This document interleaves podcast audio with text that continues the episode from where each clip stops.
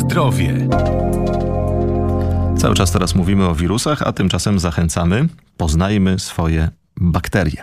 Królestwo bakterii jest tak wielkie, że stanowi wręcz cały mikrowszechświat. Przez lata wpajano nam, taki był stan wiedzy, że bakterie są złe, brudne, a przecież no, nie byłoby nas, gdyby nie one. Warto nauczyć się, jak zwalczać te szkodliwe, ale też dbać o pożyteczne mikroby.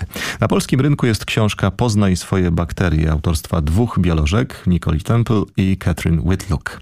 Agnieszka Furtak-Bilnik rozmawiała o niej z redaktorką Anną Hadałą-Żołnik, która opracowała polskie wydanie książki.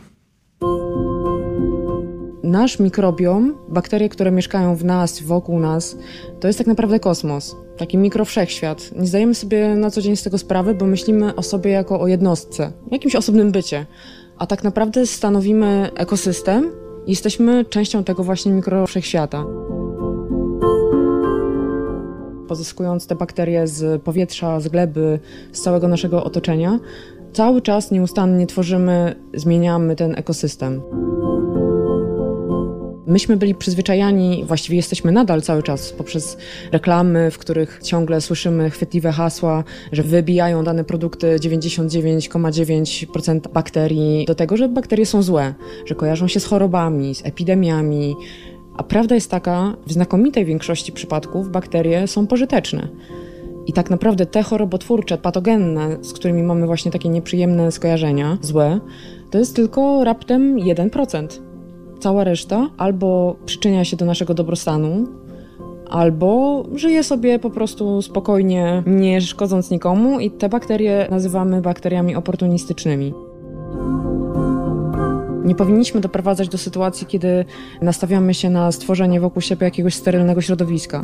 Ono jest dla nas szkodliwe powinniśmy zadbać o to, aby nasz y, mikrobiom, cały zestaw bakterii był jak najbardziej zróżnicowany, bo ta różnorodność przekłada się na nasze dobro, czyli po prostu dzięki temu, że mamy styczność z takim czy innym powietrzem, zyskamy nowe bakterie i one będą wypierały te złe patogenne, zajmując im po prostu miejsce. Jak możemy wpłynąć na to, żeby te dobre bakterie działały z porządkiem dla nas? To jest dosyć oczywiste, tak, że dobra dieta wpływa na nasze zdrowie. Każdy może tak powiedzieć. Ale co to właściwie znaczy?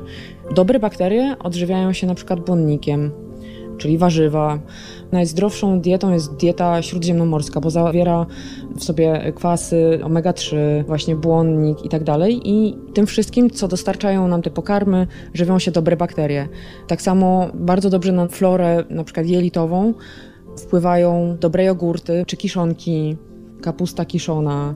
Tego rodzaju produkty właśnie zawierają dobroczynne bakterie. Innymi praktykami pozytywnymi, które pozwalają właśnie zadbać o nasz mikrobiom, jest wietrzenie pomieszczeń, bardzo częste, czy jak jesteśmy chorzy, to już w ogóle jest to koniecznością, żebyśmy nie przebywali ciągle w środowisku zdominowanym przez patogeny. Dzięki temu pozyskujemy właśnie z powietrza nowe bakterie, czy suszyć pranie na przykład na zewnątrz. Dobre bakterie zjadają pożywienie tym złym bakteriom, wypierają je, po prostu zabierają im zwyczajnie miejsce, więc y, im więcej, tym lepiej. Wydaje mi się, że takim przeżyciem wręcz y, transcendentalnym jest oglądanie kosmosu przez lunetę czy zdjęć przedstawiających gwiazdy. I podobnego rodzaju przeżyciem jest oglądanie zdjęć, które właśnie w książce Poznaj swoje bakterie są zamieszczone, powiększeń bakterii.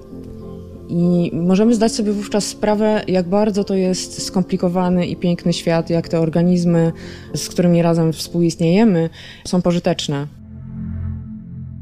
Anna Hadowa-Żołnik opracowała polskie wydanie książki Poznaj swoje bakterie.